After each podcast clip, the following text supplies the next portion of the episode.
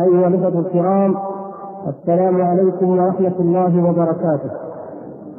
وإننا في هذا اللقاء الذي جاء مفاجئا ولكن الله تبارك وتعالى كتب أن يكون ونشكره سبحانه وتعالى على ما من به من هذا الاجتماع ونسأله بمنه وفضله وجوده وكرمه أن يجعله اجتماعا مرحوما وأن يجعل تفرقنا من بعده تفرقا معصوما وأن لا يجعل فينا ولا معنا تقيا ولا محروما وأن يعيدنا وإياكم من فتنة القول كما يعيدنا من فتنة العمل.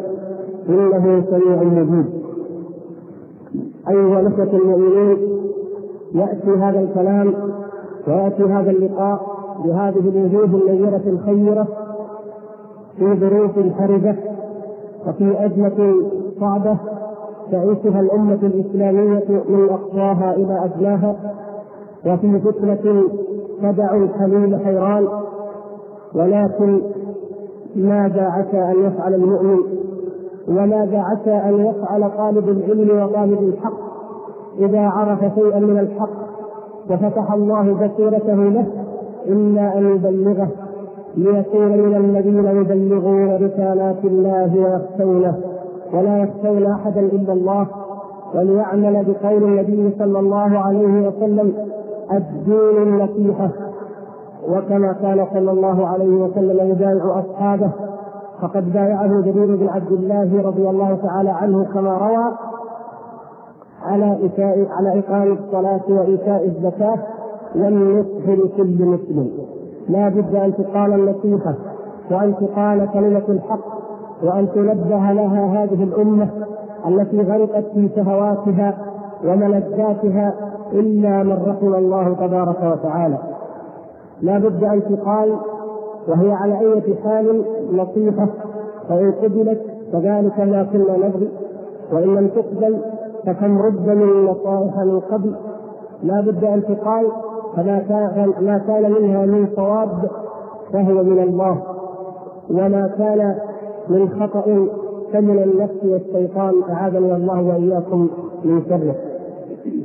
أيها الأخوة المؤمنون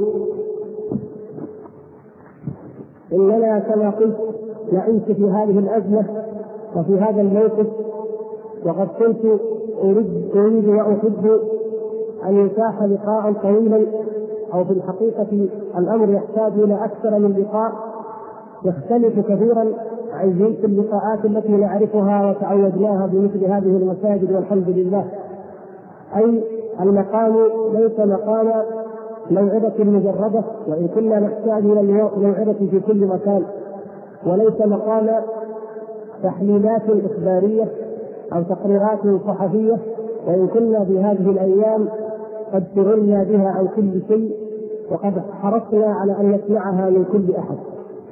وإننا نريد وقفة بل نحتاج إلى وقفات عاقلة متأملة بعيدة عن العواطف لننظر في هذه المصيبة الراهنة ما الذي أوصلنا إليها وكيف آل بنا الحال إلى هذا المآل وما هي الأسباب وراء ذلك وهل من سنن لله تبارك وتعالى في تغيير هذه الحال وماذا نفعل؟ وماذا يجب علينا نحن طلبة العلم بالذات في مثل هذه المواقف العصيبة. وهذا رأي أخيكم وما سوف أطرحه عليكم في هذه الليلة إن شاء الله تعالى. أقول أيها الإخوة إن الأحداث التي حدثت منذ أربعة أسابيع قد فاجأتنا جميعا. وسر المفاجأة عندي يكمن في عنصرين العنصر الأول غفلتنا إلا من رحم الله تبارك وتعالى عن قراءة سنن الله في الكون سنن الله في الأمم قبلنا مع أنها في كتاب الله عز وجل واضحة كل الوجوه. غفلتنا عن قراءة تاريخنا الإسلامي وماذا يختلفه في كل صفحة من صفحاته من الأداء ومن البلايا ومن المحن. فقد عشنا حقبة من الزمن في هذه البلاد في ترف ونعمة ورخاء وما كنا نحسب أن هذا الحال يتغير أو يتبدل أو يهتز فكأننا قد أمنا عقاب الله وأمنا مكر الله ولا يأمن مكر الله إلا القوم الخاسرون. نسأل الله العفو والعافية. وكأننا قد أخذنا من الرحمن موثقا أن لا يعذبنا وإن ارتكبنا ما ارتكبته الأمم قبلنا وعجلت به من قبلنا. وكأننا ينطبق علينا ما ذكره الله تبارك وتعالى عن بعض كفار قريش. اطلع الغيب أم اتخذ عند الرحمن عهدا. لا والله. لا نعلم الغيب. فالمستقبل مكتوب بالمخاطر. وينبغي ان نتوقع ذلك. ولا عهد لنا من الله. إذ ليس بين الله تعالى وبين أحد من خلقه وسد إلا التقوى. وإنما عهد الله وإنما عهد الله تبارك وتعالى وتأذن بالنصر والتمكين لمن شكر النعمة. أما من كفرها وبطرها وبدلها كفرا فإن مصيره كما ذكر الله عز وجل. والسبب الآخر الذي جعل المفاجأة بهذا الشكل أيضا وهو مهم جدا أننا لا نقرأ ما يكتبه أعداؤنا وما يقولونه بل لا لا نحاول أن نتعرف عليه. ومن هنا وقعنا في خطأ كبير أدى إلى هذه المفاجأة والذهول. وقد صدق وهو كذوب من قال إن العرب لا يقرؤون. والمشكلة أنهم إن قرأوا فإنهم أيضا لا يحللون ولا يفهمون. وإن فهموا فإنهم لا يعملون. وإن عملوا فإنهم لا يصيبون ولا يسددون. ما داموا عربا ما دامت الرابطة هي العروبة. وما دام الجامع هو العروبة. وما دام الاسم ليست رابطة الإسلام. الواقع أيها الأخوة الكرام أن هذه الأحداث التي نراها هذه الأيام لا هي بجديدة ولا هي بغريبة على من يتتبع الأحداث أو يتتبع ما يقال وما يكتب فضلا عن من يقرأ ما ذكره الله سبحانه وتعالى من أحوال الأمم قبلنا إذا عصت الله سبحانه وتعالى. فإن زوال النعم متوقع وإن نقص الأموال والأنفس والثمرات هو الذي يجب أن يتوقع لأننا لسنا على مستوى من الإيمان والتقوى والصبر يؤهلنا لدفع هذا العذاب عنا أو لنكون مجاهدين بدلا من أن نهدى في عقر دارنا ولا حول ولا قوة إلا بالله العلي العظيم. أما الجانب الأول من الأعداء وهو الذي هزنا جميعا وفاجأنا وهو حزب البعث ذلك الحزب الملحد المرتد الكافر فإننا أقول بكل أسف كنا نعلم أنه حزب مرتد كافر. أعني من يعلم ذلك منا ولكن ذلك لم يبين لنا لم يبين. لم تقل كلمة الحق كما ينبغي. ونحن الدعاة أول المسؤولين في هذا الجانب. قصرنا كثيرا في توعية الأمة بحقائق هؤلاء القوم. ثم إننا نسينا أنه حزب صليبي والذي أسسه رجل صليبي.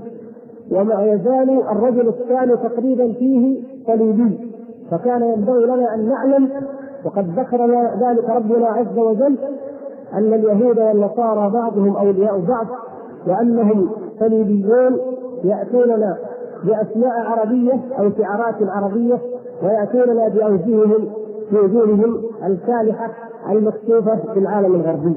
فالكل عداوته للإسلام واضحة والكل بكتاب الله عز وجل واضح.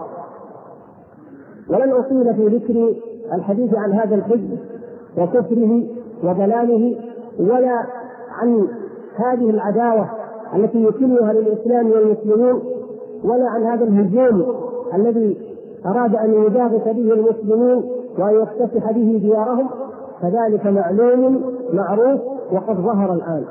ولكني أحب أن أعرج ما أمكن الوقت على الجانب الآخر من العداوة. وهو جانب اليهود والنصارى والغرب إذ يخشى الإنسان في زحمة الأحداث وفي معصرتها أن يضيع أمرا وجانبا وركنا عظيما من أركان العقيدة وهو الولاء والبراء. ويخشى أن أن يؤدي ما حصل من أحداث إلى أن يكون في قلوبنا مودة للذين كفروا وهم أعدى أعدائنا نسأل الله العفو والعافية. ومن هنا لما رايت الخطر محدقا على ايماني وعلى إيمان إخوان المسلمين بما يتعلق بموالاه المؤمنين ومعاداة الكافرين والموقف من اليهود والنصارى وأن الاستثناء ربما أصبح عندنا قاعدة عامة. قلت لا بد أن أبين لإخواني هذه الحقيقة وأن أعرفهم بخطر هذا العدو الآخر مهما ظهر لنا أو أظهر لنا من أوجه أو تقنع بأقنعة فإنه عدونا إلى قيام الساعة. وكما قلت في لقاء سابق إن البعثيين هم أعداء ساعة. ما هي إلا نفحه أو نفحتان كما جاء في الحديث عن فارس ثم يذهبهم الله عز وجل كما يشاء. ولكن العدو الأبدي العدو الذي هو عدونا إلى قيام الساعة كما أخبر الصادق المصدوق صلى الله عليه وسلم هو هؤلاء الروم الغرب الذين تكالبوا علينا من كل جهة وجاءونا من كل فج عميق فلنقدر الضرورة بقدرها؟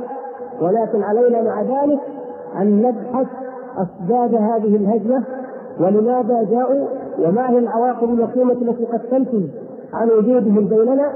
ولنكن في كل أمورنا هذه ملتزمين بأمر الله وبشرع الله وبدين الله ولا مانع أن نذكر بعضنا بعضا بما نسينا أو غفلنا عنه في هذا الجانب.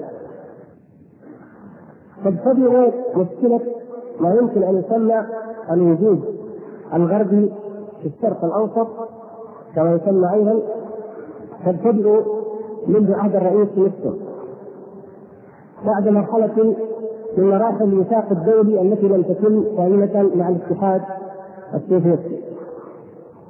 وقد ذكر الرئيس نيكسون في مذكراته وهي مطبوعة ومترجمة اللغة العربية موجودة كما ذكر في كتابه الحرب الحقيقية وألمح إلى ضرورة وجود أمريكي في المنطقة في منابع النفط. وعلم ذلك بتعليلات يهمنا منها أنه ركز على قوة العراق وعلى هيمنة العراق وخطر العراق عن من قبل الاتحاد السوفيتي أو من قبل زعامات إقليمية فيكتسح منابع النفط ومناطقه ومن هنا فلا بد من تفكير جاد وعمل جاد لردع هذا العدوان المتوقع. أعقب ذلك مبدأ القرار أصدره الرئيس كارتر في 18 أغسطس مثل هذا الشهر عام 1977 ميلادية أو قبل أي قبل 13 سنة قرر الرئيس كارتر أنه لابد من وجود وحماية عسكرية لمصالحنا في الخليج وكان ذلك بعد تمثيلية الرهائن التي كانوا الذين كانوا محتجزين في طهران وبعد الحدث الرهيب الذي هز الأمة الإسلامية جميعا وهو احتلال الاتحاد السوفيتي الشيوعي لأرض أفغانستان المسلمة المجاهدة الذي كان بعد عملية الرهائن بستة أسابيع. صدر هذا واتخذت اتخذت الاحتياطات العملية للتنفيذ وبدأ بتشكيل هذه القوة في عام 1980 في أول عام 1980 أي أن الأمر رتب له بأواخر السبعينيات ثم في أوائل الثمانينات قد بدأ في ذلك. وقد شكلت أو عملت الفرقة التي سوف تقوم بالعمل وهي نفس الفرقة التي أول ما قدمت هنا وهي الفرقة الثانية والثمانين. لكي نأتي ببعض الأدلة على هذا ولكي يتضح للإخوة بالواقع بالبينات المقروءة حسيا آه هذا كتاب قوة الانتشار السريع والتدخل العسكري الأمريكي في الخليج طبع أو صدر عام 1983 1403 أقرأ لكم بعض الإثباتات منه. الكتاب هذا عبارة عن تقرير تقرير أعد ونشر في مجلة الشؤون الخارجية الأمريكية وهو تقرير أمني ومع ذلك نشر وترجم إلى اللغة العربية وصدر وطبع عام 1403 كما ذكرنا. يبدأ التقرير بذكر التهديدات التي يمكن أن تجتاح منطقة الخليج. ويذكر ثلاثة منها، أولا العدوان السوفيتي مباشر على المنطقة كما حدث في أفغانستان. والاحتمال الثاني عدوان بواسطه قوة إقليمية أخرى ضد دولة منتجه للنفط والاحتمال الثالث هو الإرهاب أو التمرد أو الثورة داخل الدول المنتجه للنفط والتقرير نفسه يستبعد الاحتمال الأول ويقول إن الاتحاد السوفيتي لن يفعل ولن يفعل ذلك. وقد تأكد هذا طبعا بعد الوثاق الدولي الذي تم في أيام جورباتشوف أما الاحتمال الثاني وهو القوة الإقليمية فهو الذي ركز عليه كثيرا في هذا التقرير يقول التقرير على شبه الجزيرة العربية يشكل تهديدا محتملا وتحديا عسكريا واضحا لمصالح الولايات المتحدة في الخليج واحتمال وقوع هجوم عراقي على الكويت أو العربية السعودية احتمال يستحق اهتماما خاصا بالأسباب الآتية. اولا قال هذا الاحتمال واردا حتى قبل الحرب العراقية الإيرانية ومؤثرا على تخطيط القوات الأمريكية اللازمة لمواجهة احتمالات خارج دائرة اختصاص حلف شمال الاطلس. ثانيا القوات المسلحة العراقية ذات التسليح السوفيتي هي الأكبر بين القوات المسلحة من دون الخليج. ثالثا تكون النفط الرئيسية في الكويت والسعودية قريبة نسبيا إلى الحدود الجنوبية للعراق. ثم يذكر بانه قد حاول العراق غزو الكويت ولم في عام 1961 81 هجرية فان يرجعه للقوات البريطانية وقوات الجامعة العربية. يقول هذه العداوات تشكل عامل تفجير محتمل في المنطقة خصوصا إذا أخذنا في الاعتبار الضعف العسكري النسبي لجيران العراق. ثم يقول لا جدال في أن استخدام الولايات المتحدة للقوه العسكريه لصالح دوله مهدده من العراق ينبغي أن يستند إلى طلب أكيد للمساعدة من جانب الدولة المهددة. الا أن المشكلة تكمن فيما إذا كان من الممكن ورود مثل مثل هذا الطلب قبل أن يبدأ القتال. ويكون القوات الأمريكية المقاتلة قبل الحرب إلى أراضي الكويت والسعودية سوف يعرض شرعية حكومتيهما للشبهة باعين شعبيهما وباعين العالم العربي ككل ناهيك عن أن مثل هذا العمل قد يتخذ ذريعة لوقوع الغزو الذي جاءت لتمنعه. ثم يقول بعد ذلك إحنا بنحاول فقط التركيز على القضايا المهمة ويعني ما يدل على أنهم يعني وضعوا الحسابات والاحتمالات. يقول إن الحساسية السياسية التي تشعر بها الدول التي يمكن أن تكون دولا مضيفة تجاه أي وجود عسكري أمريكي دائم على أراضيها أمر مفهوم إن مثل هذا الوجود سيكون بمثابة إثبات لصحة الانتقادات التي يوجهها الثوريون العرب إلى دول الخليج المحافظة بالتزمت إلى الإمبرياليين ومن ثم زيادة الاضطراب الداخلي الذي يشكل أهم التهديدات المحتملة. ثم يؤكد فضلا عن ذلك أن العديد من دول الخليج ما زالت تعتبر دعم الولايات المتحدة لإسرائيل أكثر تهديدا لأمن العالم العربي من احتلال أفغانستان الأخرى في شبه الجزيرة العربية، بل إن بعضها يشك في الولايات المتحدة ويراها طامعه في حصول النفط بالجزيرة. ويذكر أمثلة على ذلك؟ قائلا يبدو هذا الشك واضحا. بالتصريح الثاني للشيخ صباح الأحمد الصباح وزير خارجية الكويت. ذكروا تصريحين الأول للسفير الكويتي في أمريكا والثاني لصباح الأحمد الصباح وزير خارجية الكويت هذا قبل عشر سنوات.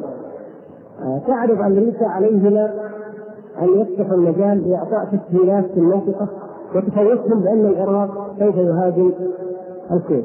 فيكون الجواب يقول يقول يا وزير خارجية الكويت الدفاع عنا ضد من؟ لما تعرفون عن الدفاع عنا يقول الدفاع عنا ضد من؟ من الذي يحتلنا؟ إننا لم نسأل أحدا أن يدافع عنا ورغم ذلك نجد كل هذه السفن حولنا تطلب تسهيلات هذا كلام الوزير إن المسألة كلها تبدو وكأنها جزء من فيلم بمخرجين اثنين روسيا والولايات المتحدة كيف ستكون نهاية الفيلم؟ ربما باتفاق قوتين الأعظم على أنه حسنا حقول النفس هذه لنا وتلك لكم سوف نقسم المنطقة من هنا إلى هنا. يقول ابدا نحن نحتاج ناكل ونقلب لكم والكثير أيضا اجاب بمثل هذا القول. قيل العراق تهاجم قال لن تهاجم إخواننا. قيل قد يكون ضدكم بعض المسلمين من بعض الشعوب في داخل الكويت قال هؤلاء إخواننا. ونشأوا في عطفنا وفي رعايتنا لا يمكن أن يثوروا علينا. ولكن أنتم بسبب إخراج كل تريدون أن تخرجوه؟ وسوف تخرجونه إن طلبنا وإن لم نطلب هذا معنى كلامه. آه العجيب يا الإخوة أن الفيلم قد اعد فعلا وفي التقرير ما يدل على أن الفيلم قد اعد وليس غريبا بل مذكور أنهم عمدوا إلى أنواع من الإخراجات كما يسمونها السيناريو. نوع أنواع بدائل كيف يمكن أن يكون الإخراج وكيف يمكن أن تكون العملية. آه ذكر التقرير صفحة 143 يقول في عديد من سيناريوهات الطوارئ المحتملة في العالم الثالث فيكون على سلاح المسافر البحرية أن يواجه عدوا متفوقا في العدد والعدة. وربما كان تفوقه في العدة نوعيا وكميا معا. فعلى سبيل المثال اذا تصورنا امكانيه تدخل سلاح مسافر البحريه لمساعده العربية السعودية ضد هجوم عراقي فسنجد أننا بإزاء جيش عراقي مؤلف من 180 ألف مقاتل هذا ما ذكروه قبل هذه السنوات كما ذكرنا سابقا مقابل جيش سعودي مكون من 80 ألف فقط بما في ذلك الحرس الوطني السعودي. وأن الجيش العراقي يضم أربعة فرق مدرعة فرقتين ميكانيكيتين ومن ضمن معداته دبابات في 62 وهي إم إس 30 والعربات المدرعة في ال جي وراجمات صواريخ متعددة الأنابيب إلى آخره يعني لا نثبت وأن الجيش تلده قوة ذوليه مكونه من كم؟ من 300 أو 39 طائرة قتال من بينها طائرات يوجد 23 و 22 ميراج ف بينما نجد أن ما لدى السعودية من معدات الحديثة أقل بكثير مما لدى العراق وقد تكون فعاليتها العملياتية أقل أيضا. هذا كما قلنا منذ عشر سنوات قد زلت قلنا لن يبقى الأمر عند ذلك ولم يكتفوا بهذا بل إنهم في القريب الذي ليس ببعيد ومنذ أربعة أشهر في شهر آه، شعبان تقريبا أربعة أشهر شعبان الماضي قد نشروا التقرير الأمني السنوي في الكونغرس الأمريكي لمجلس الأمن القومي الأمريكي. وذكروا فيه أمورا آه، لا داعي للتفصيل فيها الآن بالنسبة لضرورة التدخل إنما من جملة ما ذكروا أنه أن المصالح الحيوية الأمريكية في الشرق الأوسط تستحق وجودا عسكريا فعليا وأنه لا بد من أن القوة التي أنشئت يعني يبدأ عمليا في إيصالها أو في البحث عن حل لإيصالها إلى المنطقة. أنا سأقرأ عليكم الفقرة الأخيرة من التقرير لأهميتها جدا. يقول وتوقف يعني الكاتب وتوقف التقرير أمام العنف الناتج العنف عفوا أمام العنف الناتج عن صراعات دينية في الشرق الأوسط والذي يحظى باهتمام مسؤولي السياسة الأمريكية الذين يعتقدون بأن التطرف الديني سيستمر في تهديد حياة السكان الأمريكيين والدول الصديقة من الشرق الأوسط والتي يعتمد العالم الحر على مصادر الطاقة فيها. وتكرر هذا الكلام في عدة تقريرات أن الغرض أمران الأول حماية منابع النفط والمصالح الحيوية للولايات المتحدة الأمريكية والغرض الثاني القضاء على التطرف الديني الذي يريد أن يهدد وجود إسرائيل ووجود الولايات المتحدة الأمريكية وذلك بتقوية الدول أو بمدعمها أو بالقضاء على التطرف قضاء مباشرا إن خفي منه على هذه الدول وعلى هذه المجتمعات. آه هذا التقرير آه نشر في 26 شعبان 1410 في جريدة الحياة. وقد نشر أيضا قبله بثلاثة أيام في نفس جريدة الحياة 23 شعبان. تقرير آخر بعنوان القوات الأمريكية. هذه صورته القوات الأمريكية تعيد تنظيم تشكيلاتها للتدخل الطارئ وتفصيلات عسكرية كثيرة ليس هناك داعي أو حاجة لها. إنما الجديد فيها أنهم ذكروا أن عدد القوات 197 ألف من الرجال والنساء وقد يسندهم ألف آه، مئة ألف أيضا من الاحتياط وأنهم مجهزون بوسائل آه، خفيفة وثقيلة إلى آخر ما ذكروا من أمور عسكرية. كلنا نعلم أنه في هذا الظرف بالذات تم توقيع اتفاقية الحدود بين المملكة والعراق. ولا شك أنها كانت آه، خطوة وقائية جيدة وفي محلها ولكن حزب البعث لم يكن يرعوي ابدا لأن السيناريو أو الإخراج كما ذكرنا أكبر من أن يرجع باتفاقية إذ المسألة مبيتة والغدر لا يمكن أن يتأخر بل هو الغدر سمه من سمات هذا الحزب أصلا. آه بعد ذلك حصلت أو قبله يمكن لكنها مهمة. حصل انزالان امريكيان الانزال الأول في جرناده والثالث في الثاني في بنما. وأيضا لا نقرأ. وقد صرحت الأجهزة الأمريكية المسؤولة والصحافة بينت أن هذا الإنزال في بنما هو عبارة عن نموذج أو دروسه كما يسمونه للإنزال في الخليج.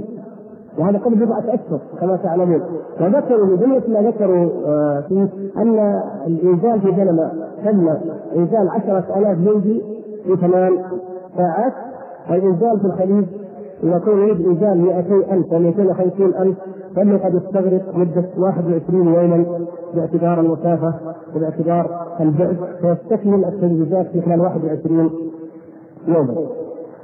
من الأمور التي يجب أن آه، أو ينبغي أن نعلمها أن الإعداد كان جادا وكان صادقا. فقد تم تدريب هذه الفرقة الثانية والثمانين وغيرها من النفاق البحرية. تم تدريبهم في صحراء نيفادا صحراء أمريكية في أجواء مشابهة لأجواء الشرق الأوسط والصحراء العربية. وأكثر من ذلك أنهم اختاروا نوعية المجلدين والمجلدات طبعا اختاروهم من الجنس القريب السحنه من الجنس العربي من الجنوبيين والاصول الأسبانية في جنوب أمريكا وفي أمريكا الوسطى. وأكثر من ذلك أنهم علموهم اللغة العربية باللهجة البدوية وكيف يعيش في الصحراء ويتكلم اللغة العربية وينبت اللباس العربي. وقد نشر أيضا بذلك آه، عدة آه، كتابات صحفية.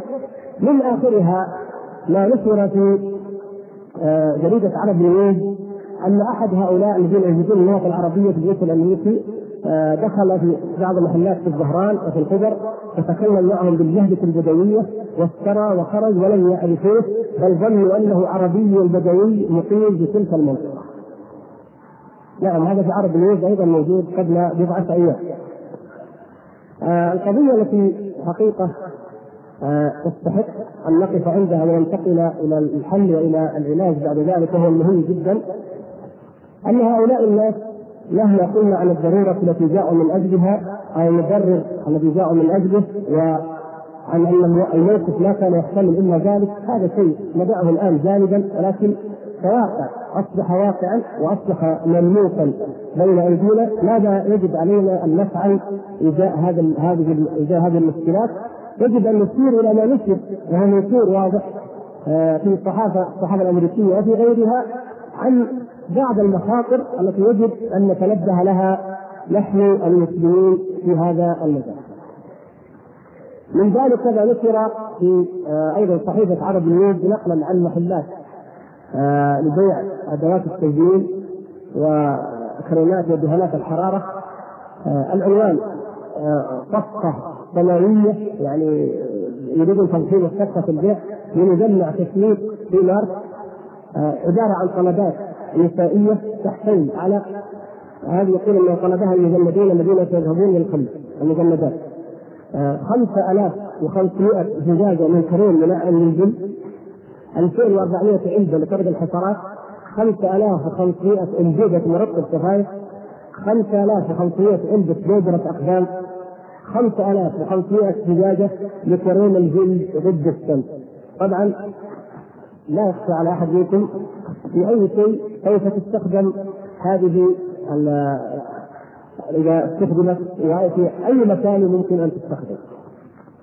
قضية أخرى لابد أن نعيها جانبا وأن نحذر والله تعالى أمرنا أن نأخذ حذرنا وأمرنا أن لا نرسل إلى الكفار وأن لا نصدقهم وأن نحتاط من باب الاحتياط على الأقل وهي أنه ظهرت عدة تصريحات آه، غريبة في الواقع ونشرتها الصحافة الأمريكية وبعضها موجود أمامي الآن على قمة تتبع وضعفه جدا في هذا المجال لكنها في أعداد الأسبوع الماضي وما قبله عن أن هذه القوات سوف تطيل طويلا إن خرجت فكيف تطيل إقامة طويلة. الرئيس آه، بوش آه، بنفسه آه، صرح الأسبوع الماضي بأن وجود القوات الأمريكية رهن باستقرار الأوضاع في المنطقة. وهذه عبارة لا يمكن يفسرها إلا هم. متى تستقر الأوضاع؟ لا ندري. هم الذين يحكمون بأنها استقرت أو لم تستقر. وكان الدفاع الامريكي في مقابله تلفزيونيه أيضا ونشرت صحفيا يقول لسنا على استعداد أن نظل أن نرجع كل عشر سنوات إلى هذه المنطقة المتفجرة من العالم. كذلك تصريحات أو كتابات صحفية مثل ما نشر في اسرائيل عدد الثلاثاء الماضي العدد 35 لعام 990 المقصود آه أنا يكفي حقيقة ان اضيع وقتكم في أشياء كلكم تسمعونها وتقرؤونها ولا علم الله وليس هذا هدف من الكلام لكن يعني لا بأس أن نربط القضايا بعضها ببعض. أو أن نذكر يعني امور سريعه جدا. كلكم تسمعون هذه التصريحات وكلكم تقرؤونها. هؤلاء اليهود والنصارى والبعثيون كلهم أعداء للإسلام وكلهم أعداء لهذه الأمة. ولا يؤمنون باي حال من الأحوال. لأن الله سبحانه وتعالى حذرنا وبين لنا عداوته في الكتاب كما بينها النبي صلى الله عليه وسلم في السنة وفي واقعه العملي لكن نحن نذكر بعض المؤثرات أو الدلائل الواضحة التي يسال الله سبحانه وتعالى أن تكون إن شاء الله عامل خير لهذا الشباب أن يعرف واجبه. لا نعني بمعرفه بمعرفه الواجب الثوران العاطفي الذي لا يؤدي إلى نتيجة والذي أتعب الدعوة في كل مرحلة من مراحلها. لا يا أخوان نعي أن نعي واقعنا وأن ندرس بحكمه وبأناه كيف نتصرف مع هذا الواقع وكيف ننظر إلى الله سبحانه وتعالى ونحن نعيش هذه الازمه وأعظم من ذلك انه يجب علينا أن نراجع ديننا وأن نراجع إيماننا وعقيدتنا وثقتنا وتوكلنا على الله عز وجل فهذا أهم عندنا من أي شيء آخر. نقول هذا يعني هذه اللي كتبت والتصريحات كما في السائل من أنه آه يقول آه الولايات المتحدة يجب عليها أن تعتبر وجودا دائما يعني أن وجود هذه القوات وجودا دائما في المملكة هذا بالنص السائل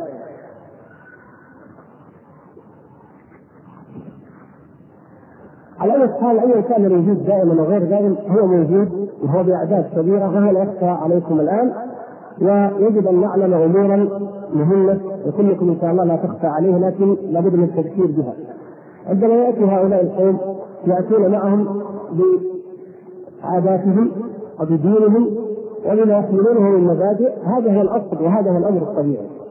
نحن كنا نفسي في الرياض وفي جدة وفي غيرها نفسي دائما من أعمال هؤلاء الكفار مع ضعفهم النسبي قبل هذه الأيام مع قلة عددهم أيضا قبل أن يكثروا بهذه الكثرة مع كل هذه الأمور والاعتبارات ومع ذلك كل نفسي الهيئات تشكي الجيران يشكون المجمعات السكنية تشكي مما يحدث فيها. ولا غرابة فهؤلاء الكفار هذه حياتهم. الله سبحانه وتعالى اعمى بصائرهم عن الآخرة. فهم كما ذكر الله سبحانه وتعالى إن الذين لا يرجون لقاءنا ورضوا بالحياة الدنيا واطمأنوا بها والذين هم عن آياتنا غافلون. هؤلاء هذا حالهم. بل ادارك علمهم في الآخرة. بل هم في شك منها.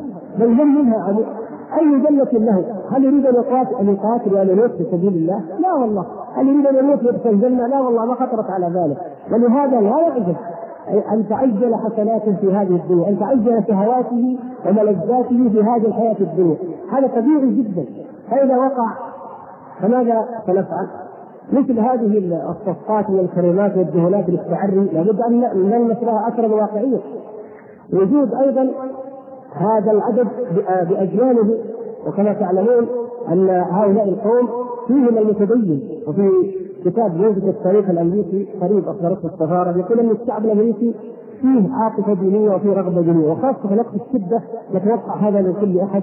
فايضا يجب أن نتوقع خلائق أو حمل للصلبان أو رفع اي شعارات أخرى غير آه، إسلامية معادية لديننا وإيماننا. وعقيدتنا لا نضع رؤوسنا في الرمال. هذه حقائق يجب ان نقولها وأن نتحدث فيها وأن نفكر كيف نعالجها العلاج الصحيح بالتعاون مع من يمكن أن يساعدنا على ذلك إن شاء الله ممن بيده الأمر. إن شاء الله سنجد لكن هذا واجبنا نحن الدعاه ولا يجوز لنا أن نتخلى عنه باي شكل من الاشكال.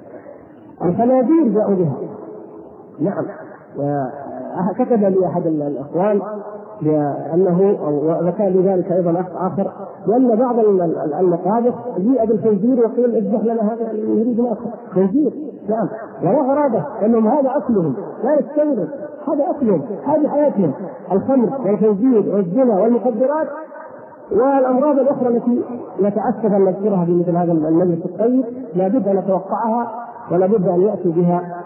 ولا تكفي. أقول هذا ليذكر الدعاة بواجبه لا تكفي ابدا الأوامر أو احتياطات أو قرارات. الأوامر يؤمر بها المسلمون. تؤخذ التعهدات التعهدات على المسلمين أنفسهم. فلا يلتزمون بها.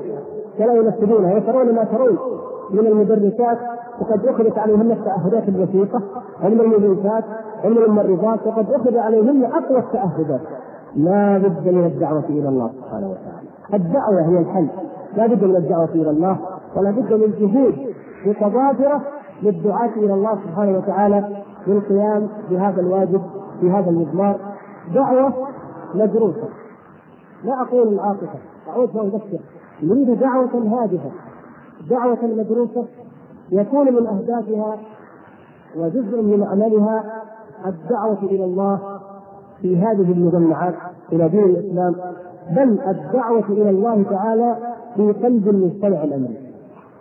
ان مما يجب أن نقوله ايها الاخوه الكرام أن الشعب الأمريكي في الغالب هو فعلا شعب حر ولا سيما في التدين وأن كثيرا منهم اذا عرض عليه الإسلام أنه لا يستطيع التوعية الداخل كتب وفي معيشة ضنك لا يعني الا الصحة هذه نفسها ونفس اخر ترى السلبية بينهم يا اخوانا تدعي كل ما غلط الا ينزل إلى الرؤوس وأنا هذا طائر ونفس هذا الراجل يعني الله سبحانه وتعالى الامة الخطيئة فكذب ان تستقبل به الازمه لا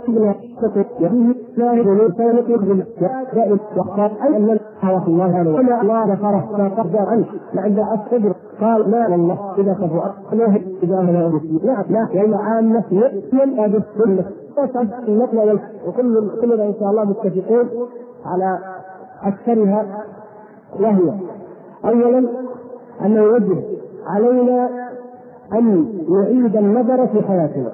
جميعا.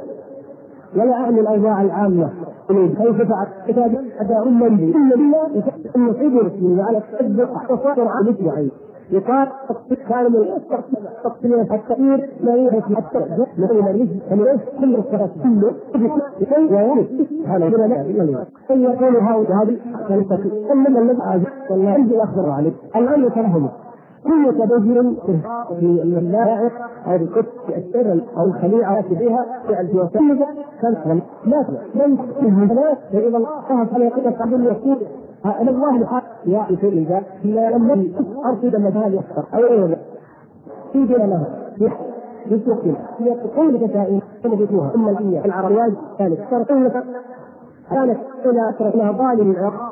أصحاب البيت والبنات زوجته اسرار الغرب هذا كله يقول حل راق النور. الان امرك والان اخاف الاذان يوجد على الاسم المحفوظ عن هذه القبله الثانية الكفيه هنا ورسل جنة فقط. لا اله الا الا الا طيب مثلا وين حياه وهذا في الفقر وهذا ذلك هذا المر مر في قرارات قبلها. في حتى أظهر. هذا ما يقع الذكي والله هذا دينهم هذا احسن أن احوج ما نكون دعاء في الحق. قاعد من غير رأوا أن في الأمة من يصدع بهذا يخافوننا والله. ولا مانع أن نظهر حتى لو كان على سبيل الإظهار أمام الأعداء لاننا طائفتين مثلا طائفة تسكت ولكن طائفة تنكر. إذا ثم الجواب. ان هذا يعطي ان نتقي سبحانه وتعالى. ثم اوفاء باعتراف أسباب وقع عليه واجبنا والاصلاح أقول قوم اياك أبو ذلك ولا نفع على إلا لأن هنا نحن نفسي الله لا كنا يتوفق على في الايات الذي الحيه السلفيه ثم يوفق عزيز الله يقول له وقبيل له هل نقول على يؤمن وحده وحده لينا أن تسلم لنا الله وتعالى لعباد من الأمم يقول إنني السر انه ان ربه سر تصله وجل ذلك فلما تجد؟ إلى ابواب بالله فانهم من بعد قوم من ابي قلب في ترك قبل النبي إلى فائل الراعي يدعوه المعظم براعي انت منها واكثرها في الامر إليك عنها ليلها كي ذاق داري وصلت عن عزيز. أو إلى جمعنا يحتاج لكن أين نحن من هذا؟ اين نحن؟ ولو أن أهل القرى آمنوا واتقوا لفتحنا عليهم بركات من السماء والأرض. ولكن كذبوا فأخذناهم بما كانوا يكسبون. أفأمن أهل القرى أن يأتيهم بأسنا بياتا وهم نائمون؟ أو امن أهل القرى أن يأتيهم بأسنا ضحى وهم يلعبون؟ أفأمنوا مكر الله؟ فلا يامن مكر الله إلا القوم الكافرون. أصبح حول مع الأسف مثل الذين قال الله سبحانه وتعالى فيهم بعد قوله يا أيها الذين آمنوا لا تتخذوا اليهود والنصارى أولياء بعضهم أولياء بعض. فترى الذين في قلوبهم مرض يسارعون فيهم يقولون نخشى أن تصيبنا دائرة. فعسى الله أن يأتي بالفتح أو أمر من عنده فيصبروا على ما اسروا في أنفسهم نادمين. لا والله إن سبقنا مع الله ونصرنا دين الله وأعززنا كلمة الله ورفعنا شأن الدعاة إلى الله سبحانه وتعالى ونشرنا الخير في مجتمعنا وقضينا على بذور الشر وحذرنا من هذا العدو بكلا جبهتيه وكلا طرفيه وانتبهنا له قاومنا شره وفساده عسكريا كان ام فسادا اخلاقيا فإن الله سبحانه وتعالى لن يخذلنا ولن يتركنا ابدا والله. وإن كان غير ذلك فأخشى والله وهذا أخشى ما أخشاه. أخشى أن تكون هذه بداية الملاحم. والملاحم مع الروم مستمرة إلى قيام الساعة. كما أخبر النبي صلى الله عليه وسلم في الحديث الصحيح حديث عوف بن مالك الأشجعي في صحيح البخاري قال اعدد قسطا قبل قيام الساعة. أولهن موت قال وهدنة ثم هدنة تكون بينكم وبين بني الأصفر فينزلون أو فيأتونكم تحت ثمانين غاية يعني غاية تحت كل غاية اثنا عشر ألفا. تسعمائة وستين ألف. وفي حديث آخر ضعيف لكن أعتقد بكثرة روايات هذا الحديث وبكونه صحيحا. يقول فيه النبي صلى الله عليه وسلم ثم تاتيكم الروم في ألف ألف خمسمائة ألف في البر وخمسمائة ألف في البحر.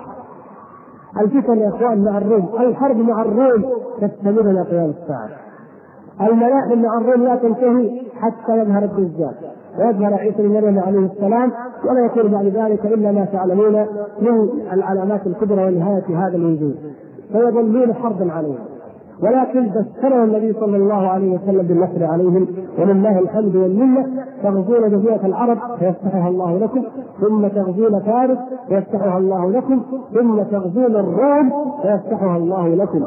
ولكن هذا غزو الروم وحرب الروم بعيد المدى. كما جاء في حديث أيضا وإن كان في سنده ضعف لكنه يستند إلى الأحاديث الملاحم الكثيرة. يقول النبي صلى الله عليه وسلم فارس نفحة أو نفحتان ثم يفتحها الله لكم. فارس نفحة أو نفحتان. القادسية ثم نهاوند القادسية الحقيقية. قادسية سعد بن أبي وقاص.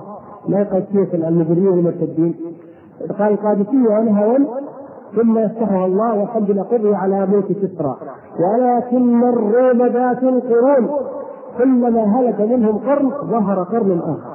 انظروا كيف. حاربونا أيام النبي صلى الله عليه وسلم في غزوة تبوك.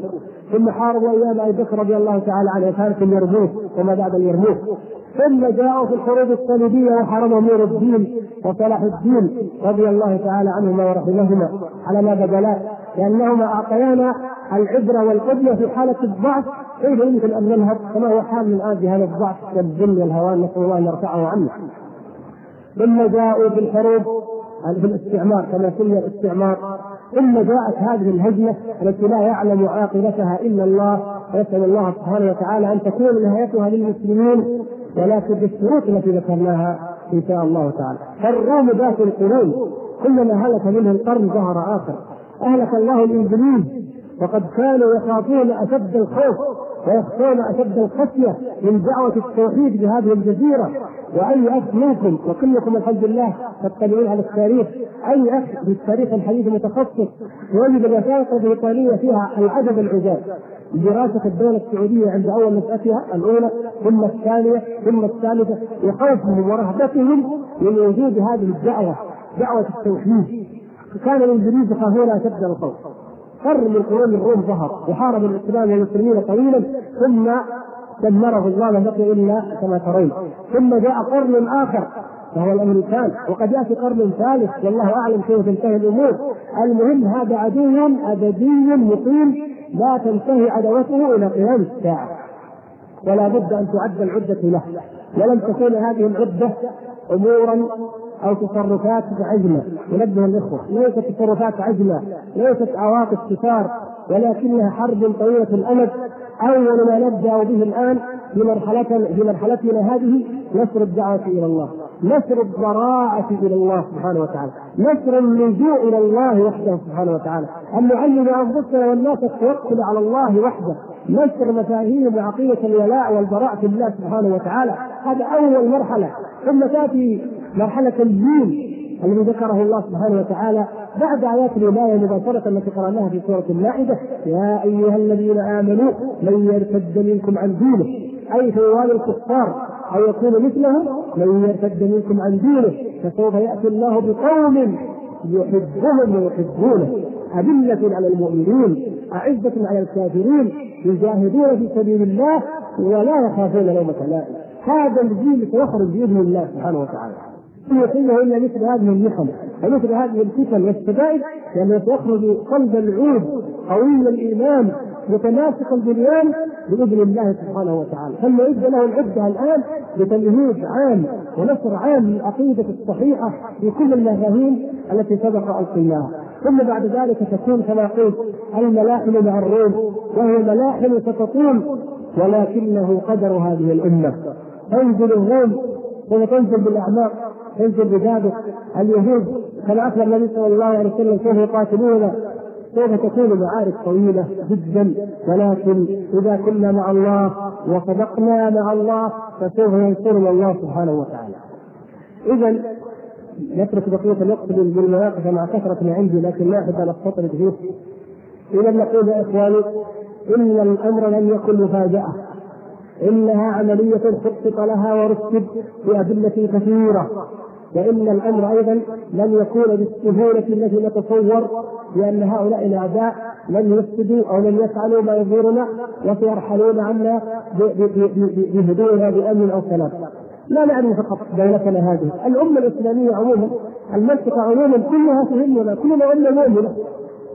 ان الكويت قد احتلناه العراق، نعم، ولكن مقابل هذا الاحتلال احتلت الأساطير الغربية والعالم الغربي وعلى رأسه أمريكا احتل منطقة المحيط الهندي والبحر الأبيض المتوسط والشرق الأوسط باكملها وأصبحت تحتها المملكه وإن هذا أيها الإخوة ولو كان ذلك اتصل افكت بهذا هذا إحدى علامات الوفاق الدولي التي لعلكم تذكرون ما قد قلناه فيها في المحاضره السابقه إحدى ثمرات الوفاق وتريد منها أمريكا مصداقية الوفاق الدولي فالاتحاد السوفيتي فعلا التزم بالقرارات الدولية وفعلا هو جزء من الغرب وفعلا هو داخل ضمن الهيمنة الأمريكية وليس له رأي منفرد. وكما سمعنا مرارا وتكرارا ويشبه الواقع لم يسبق للغرب في أي مرحلة؟ من مراحل تاريخه؟ أن توحد بمثل هذه مثل هذا الاتحاد إلا في الحروب الصليبية الأولى. حتى من الحرب العالمية الثانية كان هناك محور شرقي ودول حلفاء، أما هذه المرة الكل يتوحد. ألمانيا غيرت دستورها من أجل أن تشارك في, في هذه العملية، دستورها غيرته، الغرب توحد. ولم يتوحد إلا لأهداف بعيدة المدى. بعيدة المدى. يؤلمني جدا ويؤلم كل مؤمن أن تظل هذه الأهداف خفية وبعيدة عن كثير من الناس.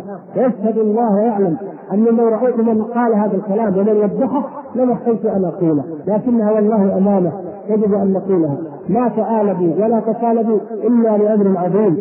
فيا شباب الإسلام أعدوا للامر عدته ولا يحتاج أن يذكركم بل واكرر أول العدة الضراعة إلى الله. فلولا كانت قرية آمنت فنفعها إيمانها إلا قوم يونس. لما آمنوا كشفنا عنهم عذاب الخزي في الحياة الدنيا فمتعناهم إلى حين. لما رأوا عذاب الله خرج قوم يونس وقال بعض المفسرين خرجوا بنسائهم وأطفالهم ودوابهم وتضرعوا إلى الله وبقوا قيل انهم بقوا أربعين أربعين ليلة حتى كشف الله تعالى عنهم العذاب. والله تعالى يقول ولقد أخذناهم بالعذاب فما استكانوا لربهم ولا يتضرعون إذا استكانوا وتضرعوا كشف الله تعالى عنهم. العذاب. عند هذه الآية يقول الحسن الحسن البصري رحمه الله جاءه القراء قالوا لماذا؟ يا أبا سعيد لا نخرج عن الحجاج ونقاتله مع ابن الاشعث من خرج من العلماء تعلمونه كثير. قال لهم يا أهل العراق يا علماء العراق إن الحجاج عذاب الله سلطه عليكم بذنوبكم.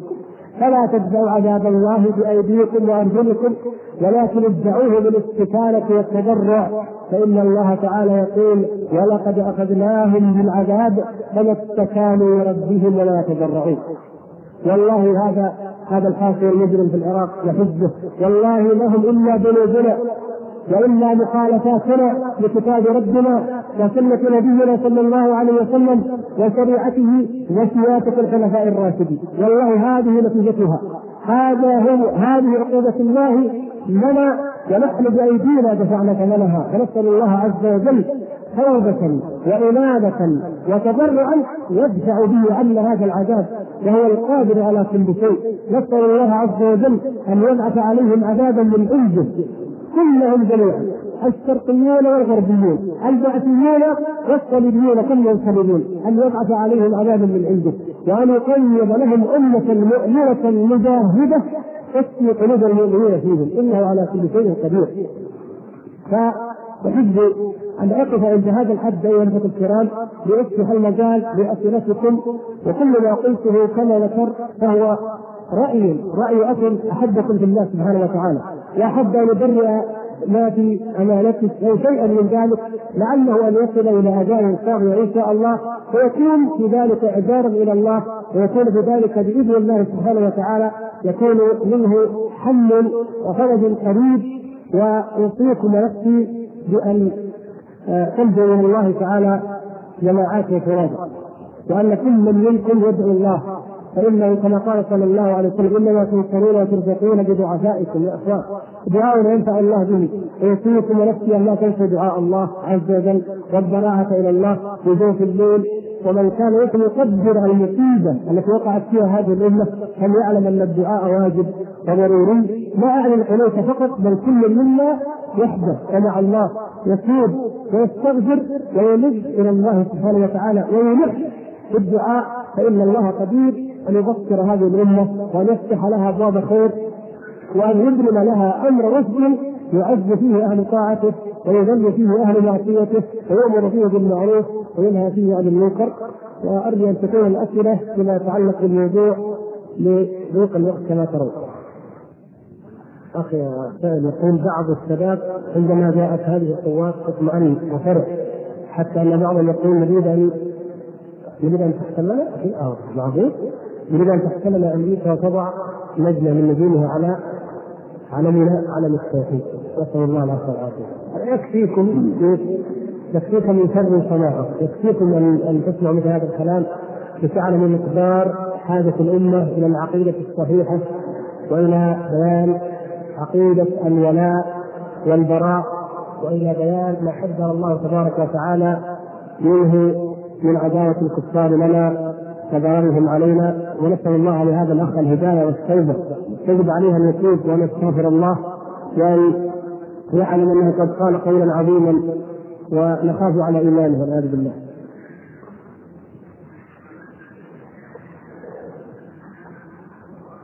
يقول الأخ إنه بعد شريطكم الأخير حول احداث الكويت زعم البعض أنكم خالفتم بعض العلماء أو العلماء في جواز الاستعانة بالكفار حول مثلا استدلال بعض الأدلة.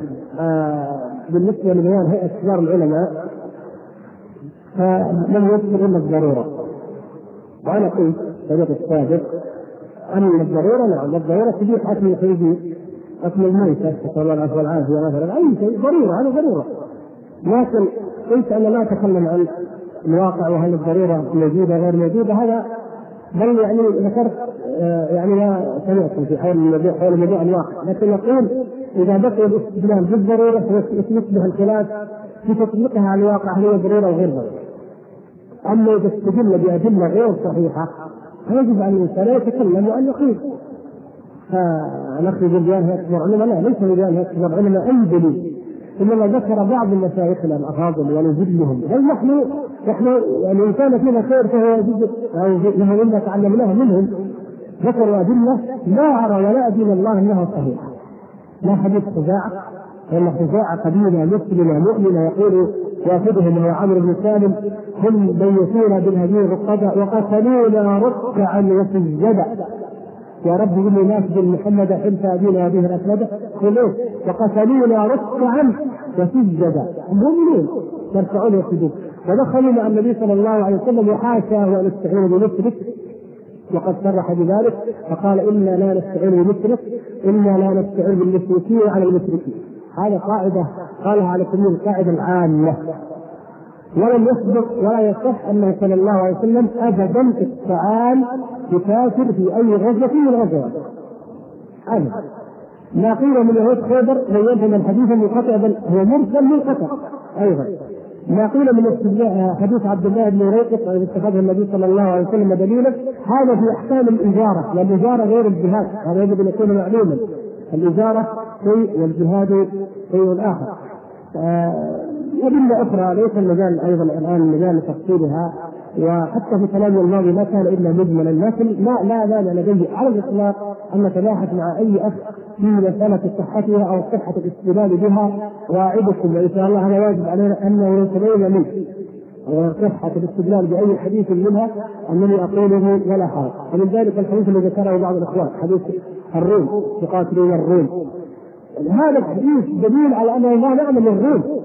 لأنه قال فيرفع رجل منهم ويقول غلب الصليب غلب الصليب.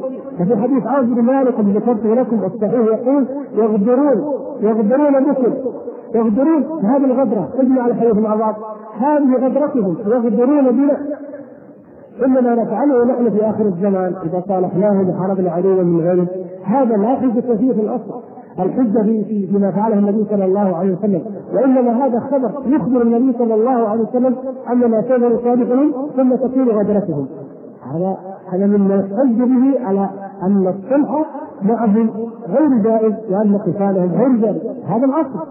نرجع إلى الضرورة. نعم الضرورة. لا ما أحد يستطيع أن الضرورة.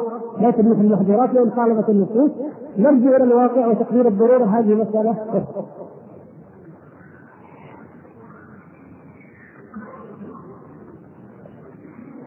يقول هل هذه هي الفتن التي تخرج من نجد أو من العراق؟ هذه إحدى الفتن. الفتن من قبل المشرق كما أخبر النبي صلى الله عليه وسلم فتن. حتى حتى الرواية في الفتنة يعني مراد به البيت بيت الفتن يكون من المشرق عموما أكثر ما جاء. انظروا الجناح الغربي للعالم الإسلامي. كم ظهرت فيه الفتن في القديم والحديث؟ قليل. يعني فتنة ابن تومر مثلا بعض الدولات الخارجية التي قامت هناك. آه نعم. عادية لكن بالنسبة للفرق فتن وراء فتن ما انتهينا من فتنة الحميني إلا جاءت فتنة الجعفرية. وقبلها وقبلها فتن دائمة وايام الصدويين من قبل ثم قبل ذلك كان الباطنية ثم جاء هولاكو وبيت استقال من الشرق فتن عظيمه جدا. هل هذه إحدى الفتن؟ نسأل الله أن يحيينا وإياكم ويحيي بلادنا منها. نريد مثل شرح حديث لا يغلب 12000 من قمه نعم يعني العبرة ليست بالعدد. العبرة ليست بالعدد. فلا اثنا عشر ألفا ليس فيهم تارك الصلاة لا يغلبون من القلة يعني إن غلبوا فليست غلبتهم وهزيمتهم ليست لقلة العدد ولكن لضعف لسبب آخر لسبب آخر غير القلة وفي هذا بيان أننا لا نحارب أعداء الله تعالى بعددنا ولا أيضا بعدتنا. وإنما نحاربهم بأننا مؤمنون وهم كافرون. كما كتب عمر بن الخطاب رضي الله تعالى عنه إلى سعد بن أبي وقاص. وإنما يغلب المسلمون عدوهم بتقواهم لله ومعصية عدوهم له. فإذا استوينا نحن وهم في المعصية. كان لهم الفضل علينا في القوة. كثرة الدبابات أو كثرة المجندين أو غير ذلك. استوينا نحن وهم في المعصية. وأمر آخر أحب أن أذكر به. أنه إذا عصاه من يعرفه سلط عليه من لا يعرفه. هذه من كلم الله. وذكرها الله تعالى في القرآن في أول سورة الإسراء. عندما سلط مبيخ نصر أو بخت نصر كما قد يطلق عليه على بني إسرائيل فجاسوا خلال الديار وكان وعدا مفعولا. يسلط الله سبحانه وتعالى على من كان مؤمنا أو المؤمنين إذا عصوه وخالفوا أمره وألقوا كتاب الله وراء ظهورهم ولم يحكموا دين الله وشرع الله يسلط عليهم الكافر المشرك المنعم بالله أصلا عقوبة وعذابا لهم حتى يرجعوا إلى دينهم.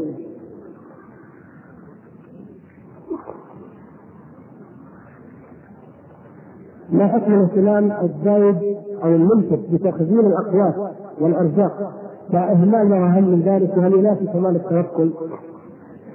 ينطبق عليه ما ذكره النبي صلى الله عليه وسلم في الحديث اننا منا دخلنا إلى الدنيا حب الدنيا وكراهية الموت وأخذنا باذناب الفقر اشتغلنا بالزرع وتركنا الجهاد. أصبح همنا هذه الدنيا الطعام والشراب. كان العربي في الجاهلية يهدى دع المكارم لا ترحل لبغيتها واقعد فإنك أنت قائم الكافي سبحان الله. ما كان يهدى به العربي في الجاهلية ويألف منه الآن نحن نفرح إذا بشرنا به. انتظروا الطعام موجود والشراب موجود تنتظر الله. الحمد لله. انبسط هكذا. هذا في الجاهلية ما في الإسلام. ما في المؤمن يعلم ان أن الشهداء أحياء عند ربهم يرزقون ومن الامه الجهاد ومن الامه الشهادة. هذا من ضعف التوكل على الله. سبحانه وتعالى علامة على ركوننا إلى الدنيا ومحبتنا لها وإيثارنا لها على الآخرة وعلى الجنة والشهادة.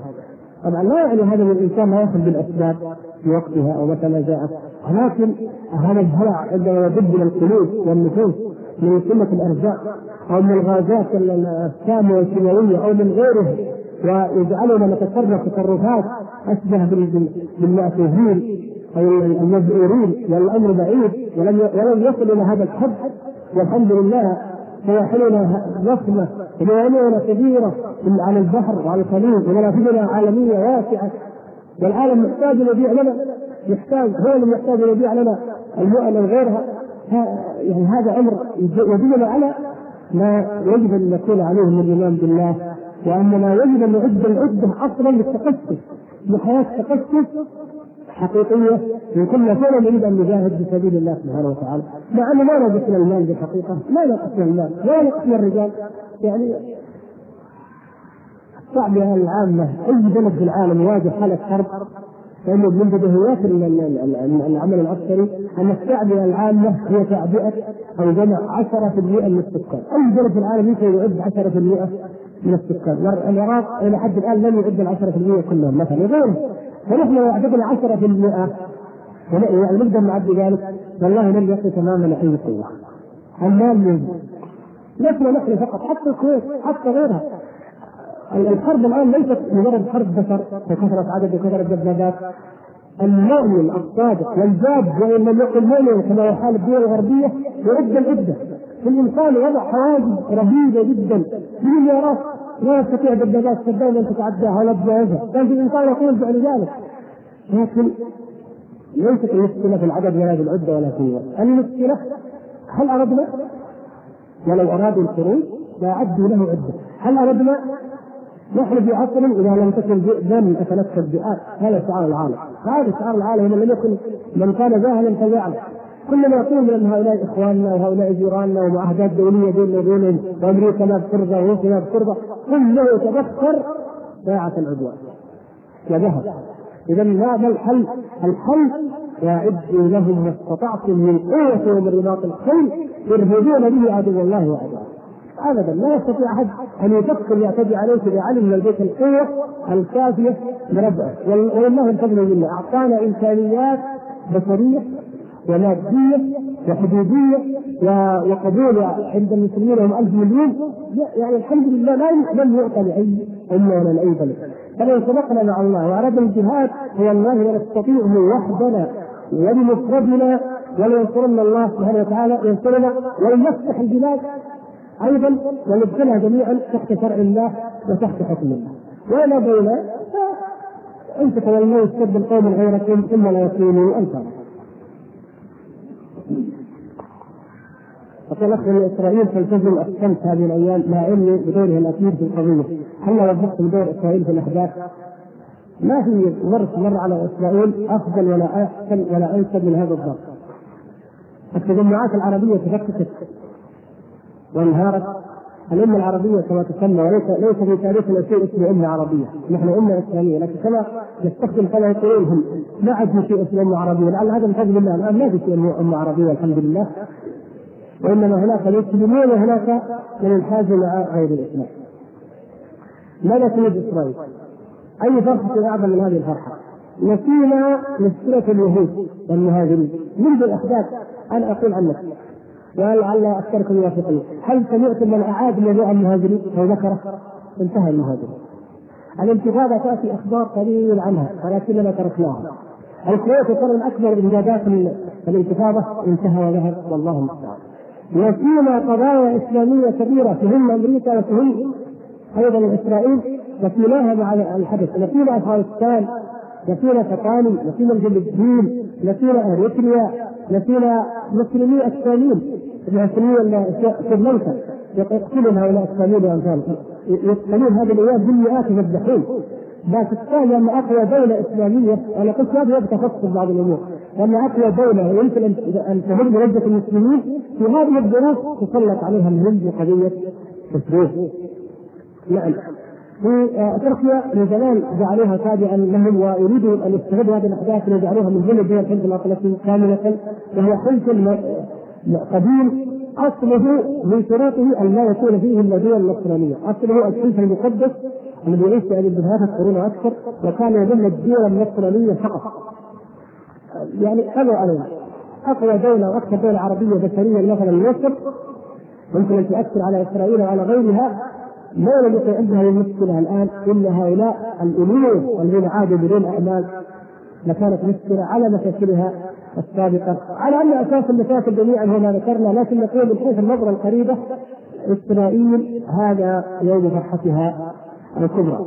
ومع ذلك إسرائيل قد تدخل عسكريا إحدى سيناريوهات المعارك يعني الافلام الكونيه التي تعرض أن ممكن أن نتصور الأحداث فقد تزال دولة الأردن والوجود عن طريق أن إسرائيل تدخل إلى تقتحم منطقة الأردن وتهاجم العراق أو فيما بعد أن يرى أن هذه الدولة يعني تبقى هي الوطن القومي أو الوطن الفلسطيني الفلسطينيين فتغير فيها الأوضاع وهذا من القديم وهم يهددون ويليقون به الأمريكان وقد يعني قد يعزون به الله اعلم متى ما اراد.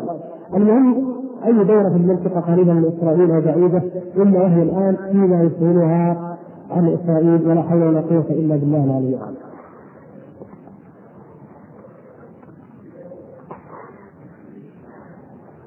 يقول الأخ يلاحظ بعد حدوث هذه المصيبة العظيمة للمسلمين أنه ما زالت المنكرات تعز بها أسواق المسلمين وبيوتهم وكذلك وسائل الإعلام المسموعه والمرئية من أغاني ونساء متبرجات فما تعليقكم حول هذا مع توجيه النصيحة؟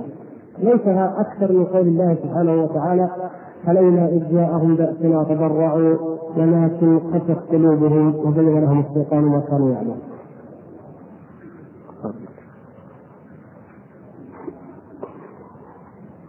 يقول لك ما هو نصحكم لمن همه تصيد ومتابعه الأخبار من وسائل الإعلام بدون تمييز ولا وعي ولا رجوع إلى الشرع وأهل العلم. نرجو منكم التوضيح من مع الكلام عن ضرر كثير من وسائل الإعلام المضلله. عجيب فعلا.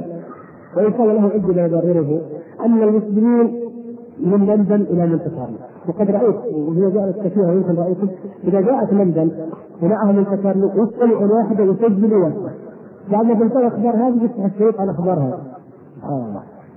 فهذه مشكلة نأخذ أخبارنا من عدونا. لكن قلت له ما يبرره إيش يبرره؟ إنما لا نجد في اعلامنا الاسلامي آه والله عربي أو ما يسمى. ما في شيء. ما في شيء. ما نجد إلا يعني التحويلات لا توجد إلا هنا. الصحافه اللي تجي من من الخارج يعني نجد أنها هي التي تعطي بعض التصريحات. مثل هذه التحويلات التي قرأتها لكم. من صحف تأتي من الخارج واللبنانيين ونصارى كثير من النصارى. أو يعني عرب الله المستعان. فلما يكون الإعلام بهذا الهذيان طبيعي جدا أن أن يسمع الناس. الناس عندهم حساسيه مرهفه في سماع اللحظة الآلية. لا يهم ماذا يعني آه، الأسباب الماضية. يهمني الآن ماذا سياتي ولهذا كنت أتعجب. كل واحد من الاخوان إذا لي يقول لي إيش رايك تضرب العراق ولا ما تضرب؟ ما هو مشكله لا تضرب ولا ما تضرب الأسباب النتائج العبر. ولهذا اضطريت أقول لا لن قلت هذا طبعا قبل في الأسبوع الأول لا أتوقع ضرب عاجل ليش؟ بدني جدا. هؤلاء يريدون يعزموا واقعهم. أي ضربه عاجله ستفقد عليهم القضية بعدين قالوا الضربه تصير في نوفمبر في أكتوبر بعد أكتوبر يقول لك يناير بعد لا لا أن تكون الضربه مش مهم الضربه المهم إنه القضية ما هي ضربة. انتهت قضيه لماذا جاءوا؟ الإعلام لا شك انه نفسيا الإعلام الخارجي. ويجب أن ننتبه من هذا الجانب وأن نصحح اوضاع اوضاعنا الاعلاميه وأن يكون فيما حدث من قصور واضح لاعلامنا عبرة وعظه للمسلمين عليه أن يتقوا الله وأن يكون الإعلام على مستوى الأحداث إن شاء الله تعالى.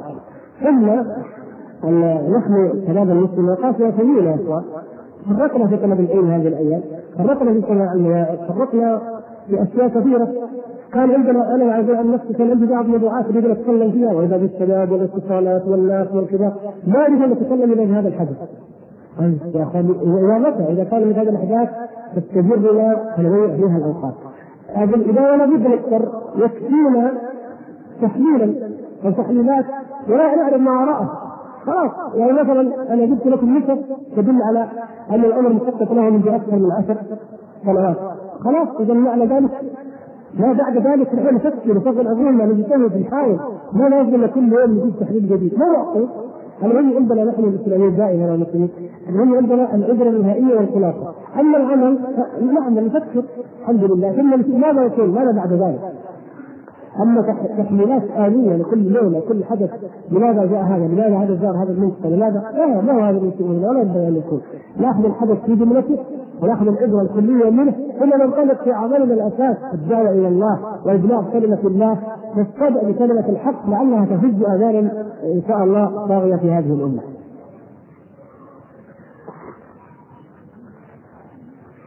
يقول الاخ أين علماء المسلمين الموظفين للحق في مثل هذه الأحزاب قبل الأحداث ولأعمالهم الخبيثة لا تفسير ذلك اهو جهل بواقع الأمة أم لا؟ حتى الذين تكلموا عنها يعدون على الأصابع قبل الاحداث وعلى راسهم الشيخ عبد الرحمن الدوسري حفظه الله رحمه الله رحمه الله. وكل ما نخشاه من كلامك وكل ما نخشاه من سكوت العلماء مرة ثانية فهذه ثم تقع مصيبة أشد من هذه المصيبة فما هي كلمتكم لعلماء المسلمين؟ أنا أقول كلمتنا العلماء نكد يا أخوان. لماذا أنا قلت دائما ما نضع اللوم دائما على جهة معينة؟ لا دورنا نحن. نحن ما فينا إلا إمام مسجد أو مدرس أو زميل زملاء في العمل أو على الاقل في أب له إخوة وزملاء واسره يعني لا دورنا نحن لماذا نضع دائما اللوم على جهة معينة. وخاصة الذي يعيش معترك معين وظروف معينة تحكم عليه مجاملات أو أوضاع صعبة. نحن نحن قلنا في في بحثها أن نقول الحق لبيوتنا لمساجدنا ماذا فعلنا؟ فلنتكلم عن أنفسنا. ما واجبنا هذه الأحداث يجب أن تفضح. يجب أن تفضح. ونعوذ بالله نعوذ بالله نعوذ بالله ثلاثا ان ياتي يوم نصطلح فيه نحن وصدام ثم يرجع مسلما وياتي هذه الديار المقدسة. نعوذ بالله من ذلك. هذه مشكلتنا ليس لنا ولاء ثابت وليس لنا عداوة ثابتة. هذا هم يتوسط الغرب الذي يقول نحن لا نعرف عداوات ثابتة ولا ولا طبقات ثابتة ولكن نعرف مصالح ثابتة. يقول لا. إن كادوا آمنوا وجعل الإسلام الله يستعان فإخوانكم في الدين لكن نقول المشكلة أن تصلح الأوضاع سياسيا ثم يرجعون الأخوة العربية ولا أحد يتكلم. لا لا هذا لا يمكن إذا أردنا ذلك أن نضع أمام الناس وقد كررت هذا وكررت نضع أمام الناس المعايير الإيمانية العقدية الصحيحة في الولاء والعداء ونعلمها لهم نفضح حزب البعث. حزب البعث جناحين يحكم دولتين وله أحزاب بدول أخرى. الآن نحن نتكلم كل كلام يقر عن جناح واحد وعن دولة واحدة هذا أيضا يصلح. مع ان مع أن الجناح الآخر يجمع مصيبتين. عقيدة كفرية قديمة وهذه العقيدة الصليبية الانتاجيه الجديدة. اذا إلى الآن ما اعتذرنا. إلى الآن لم نعتذر. ولم نتكلم كما ينبغي. أما أعداء الله الذين عداوتهم مفتوحه وصريحه وكفار يهود ونصارى فأقل شيء يعني الحد الادنى من يجب أن نعلمه عنهم ما نعلمه نحن المسلمين. أقول هذا بكل أسف. ما يعرض عن عن هؤلاء هي حضارتهم اختراعاتهم اكتشافاتهم تطورهم تقدمهم إلى آخره. أما عداواتهم وخططهم لانها مكشوفة ومقروءة كما رأيتم هذه كتب مطبوعه ومتداوله فلا نعرضها. هذا الذي يجب علينا نحن الدعاء ونحن الشباب وطلاب العلم وأيضا ننبه علمائنا إلى ذلك وعلمائنا يا إخوان تفاهم تفاهم يا إخوان. ما نبرر لهم كل شيء لا نقول انهم معصومون لكن يا اخواني في الله كفاهم أنهم أجهدوا أنفسهم في طلب العلم وأعطوهم كفايه والحمد لله في عباداتنا وفي عقائدنا في معاملاتنا. والله ثغرات لا نستطيع أن نسدها نحن اطلوا عليهم ما ابى لأبيكم من الموت أو سدوا المكان الذي سد. من منا يسد مسد العلماء؟ والله لا أحد. لكن نقول نعم عندهم تقطيع لمعرفه الواقع عندهم أشياء نحن نستفيد منها ويعني ليس من فضل عليهم لكن لاننا عشنا الأحداث وهم عاشوها بحكم الزمن فيه أو باحكام أوضاع أخرى. فنقول العلماء جزاهم الله خيرا نحن نكلمهم ونكلمهم ولا نبين لهم أمر الواقع ومع ذلك. أقول المسؤولية الأساس علينا نحن طلبة العلم بالدرجة الأولى. وبعض هؤلاء العلماء قد بدأ يسلم الأمر لأنه يعني انتهوا في السن أو من المرحله فكر من سيخلفه فكر من؟ من إن الله لا يجعل انتفاعا يقبضه من سجون العلماء ولكن بموت العلماء فإذا هلكوا اتخذ الناس رؤساء جهال نعوذ بالله. أصبح نسمع في أكثر مكان من ينعق يكون من رؤساء الجهاله والضلال نسأل الله العفو والعافية. تعلم الأمة اذا من الذي يمكن أن يجب أن تكون وتسمع منه من أهل العلم والحق والفضل. عند الآن يعد العدة لاستكمال واجب العلماء ودور العلماء من جهة ولايجاد من يخلفهم بإذن الله في قيادة هذه الأمة علميا من جهة أخرى. شكر الله لفضيلة المحاضرين وختام الإيمان بالله أن بعلماء ولكم بالثبات على دين الله. وأن يتوفانا المسلمين وأن يتقنا بالصالحين. خير خزايا إلى المسلمين. صلى الله وسلم على نبينا محمد وعلى آله وصحبه أجمعين. أخي الكريم انتهت مادة هذا الكلام